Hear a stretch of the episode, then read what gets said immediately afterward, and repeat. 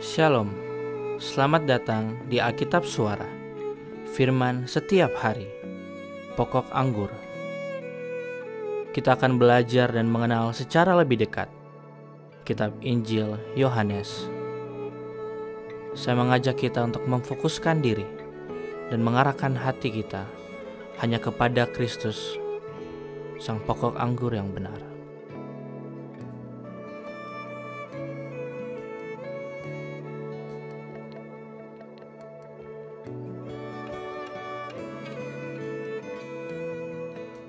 Mari bersama-sama mendengarkan Yohanes pasalnya yang ke-15.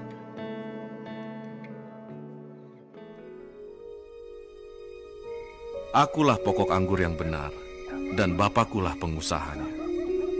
Setiap ranting padaku yang tidak berbuah, dipotongnya. Dan setiap ranting yang berbuah, dibersihkannya, supaya ia lebih banyak berbuah. Kamu memang sudah bersih, karena firman yang telah kukatakan kepadamu.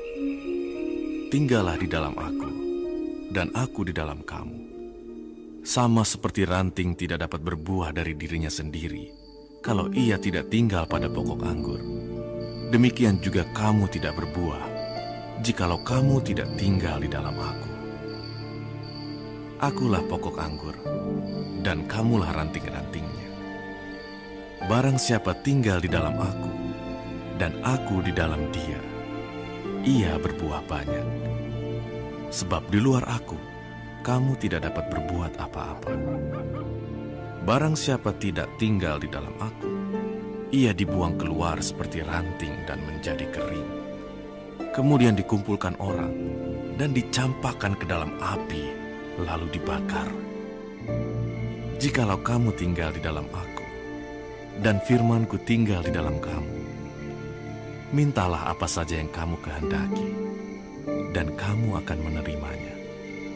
Dalam hal inilah Bapakku dipermuliakan, yaitu jika kamu berbuah banyak, dan dengan demikian kamu adalah murid-muridku.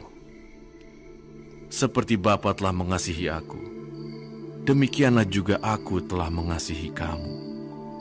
Tinggallah di dalam kasihku itu.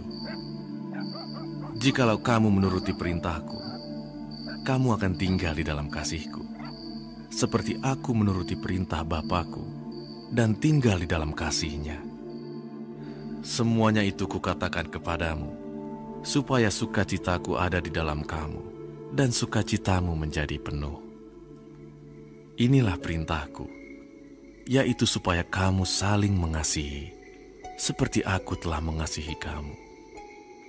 Tidak ada kasih yang lebih besar daripada kasih seorang yang memberikan nyawanya untuk sahabat-sahabatnya. Kamu adalah sahabatku, jikalau kamu perbuat apa yang kuperintahkan kepadamu. Aku tidak menyebut kamu lagi hamba, sebab hamba tidak tahu apa yang diperbuat oleh tuannya.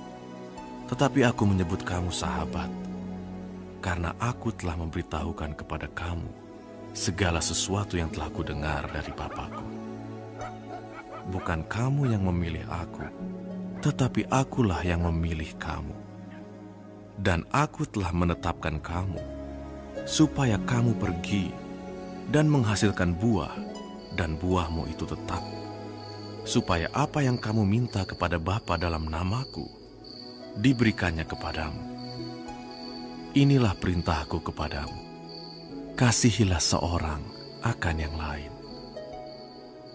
Jikalau dunia membenci kamu, ingatlah bahwa ia telah lebih dahulu membenci aku daripada kamu. Sekiranya kamu dari dunia, tentulah dunia mengasihi kamu sebagai miliknya. Tetapi karena kamu bukan dari dunia, melainkan aku telah memilih kamu dari dunia, sebab itulah dunia membenci kamu. Ingatlah apa yang telah kukatakan kepadamu. Seorang hamba tidaklah lebih tinggi daripada tuannya. Jikalau mereka telah menganiaya aku, mereka juga akan menganiaya kamu. Jikalau mereka telah menuruti firmanku, mereka juga akan menuruti perkataanmu. Tetapi semuanya itu akan mereka lakukan terhadap kamu karena namaku. Sebab mereka tidak mengenal dia yang telah mengutus aku. Sekiranya aku tidak datang dan tidak berkata-kata kepada mereka, mereka tentu tidak berdosa. Tetapi sekarang, mereka tidak mempunyai dalih bagi dosa mereka.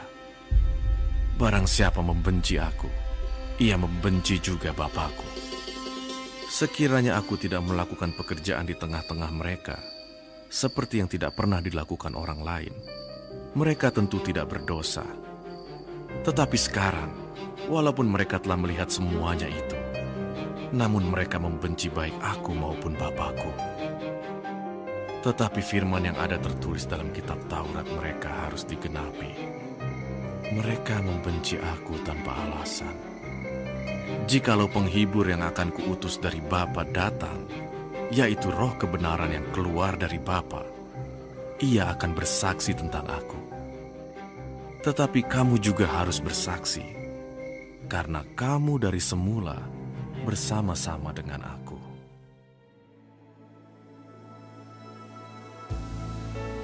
Kesatuan antara Kristus dan pengikutnya merupakan hal yang sangat penting bagi Yesus. Ia menggambarkan dirinya sebagai pokok anggur yang benar, di mana mereka yang percaya dan mengikut Dia merupakan ranting-rantingnya. Sebagai ranting-ranting dari pokok anggur itu, kita semua tidak dapat berbuah jika kita terlepas dari Dia. Itulah sebabnya Kristus memperingatkan agar kita senantiasa tinggal di dalam Dia, agar kita tidak menjadi layu dan kering yang hanya akan dibuang ke dalam api untuk dibakar. Di dalam pasal ini, penulis juga mencatatkan bagaimana perintah Kristus bagi mereka yang percaya untuk saling mengasihi, bukan hanya mengasihi Dia, melainkan sesama kita, umatnya. Menarik ketika Kristus mengajak kita untuk tinggal di dalam kasihnya, yang membuat kita mengerti bahwa ia adalah kasih itu sendiri. Ia juga memanggil kita bukan sebagai hamba, melainkan dengan panggilan yang lebih erat dan dekat, yaitu sebagai sahabat. Ialah sahabat sejati itu yang rela mengorbankan nyawanya bagi kita semua.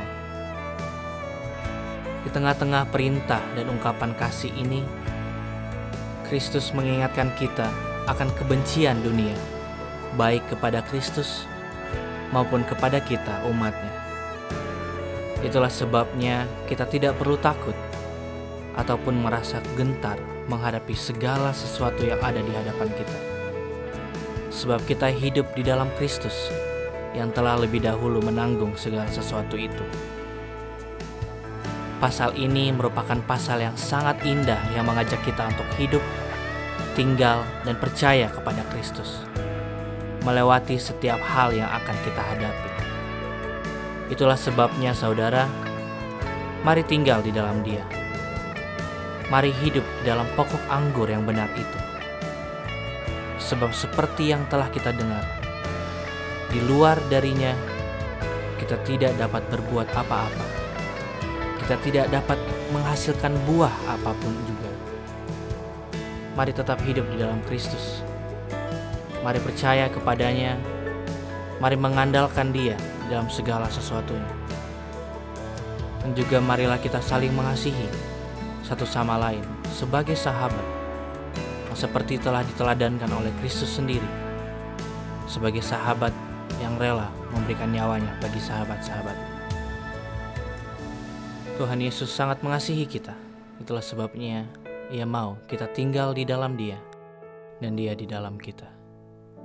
Tuhan Yesus memberkati kita semua.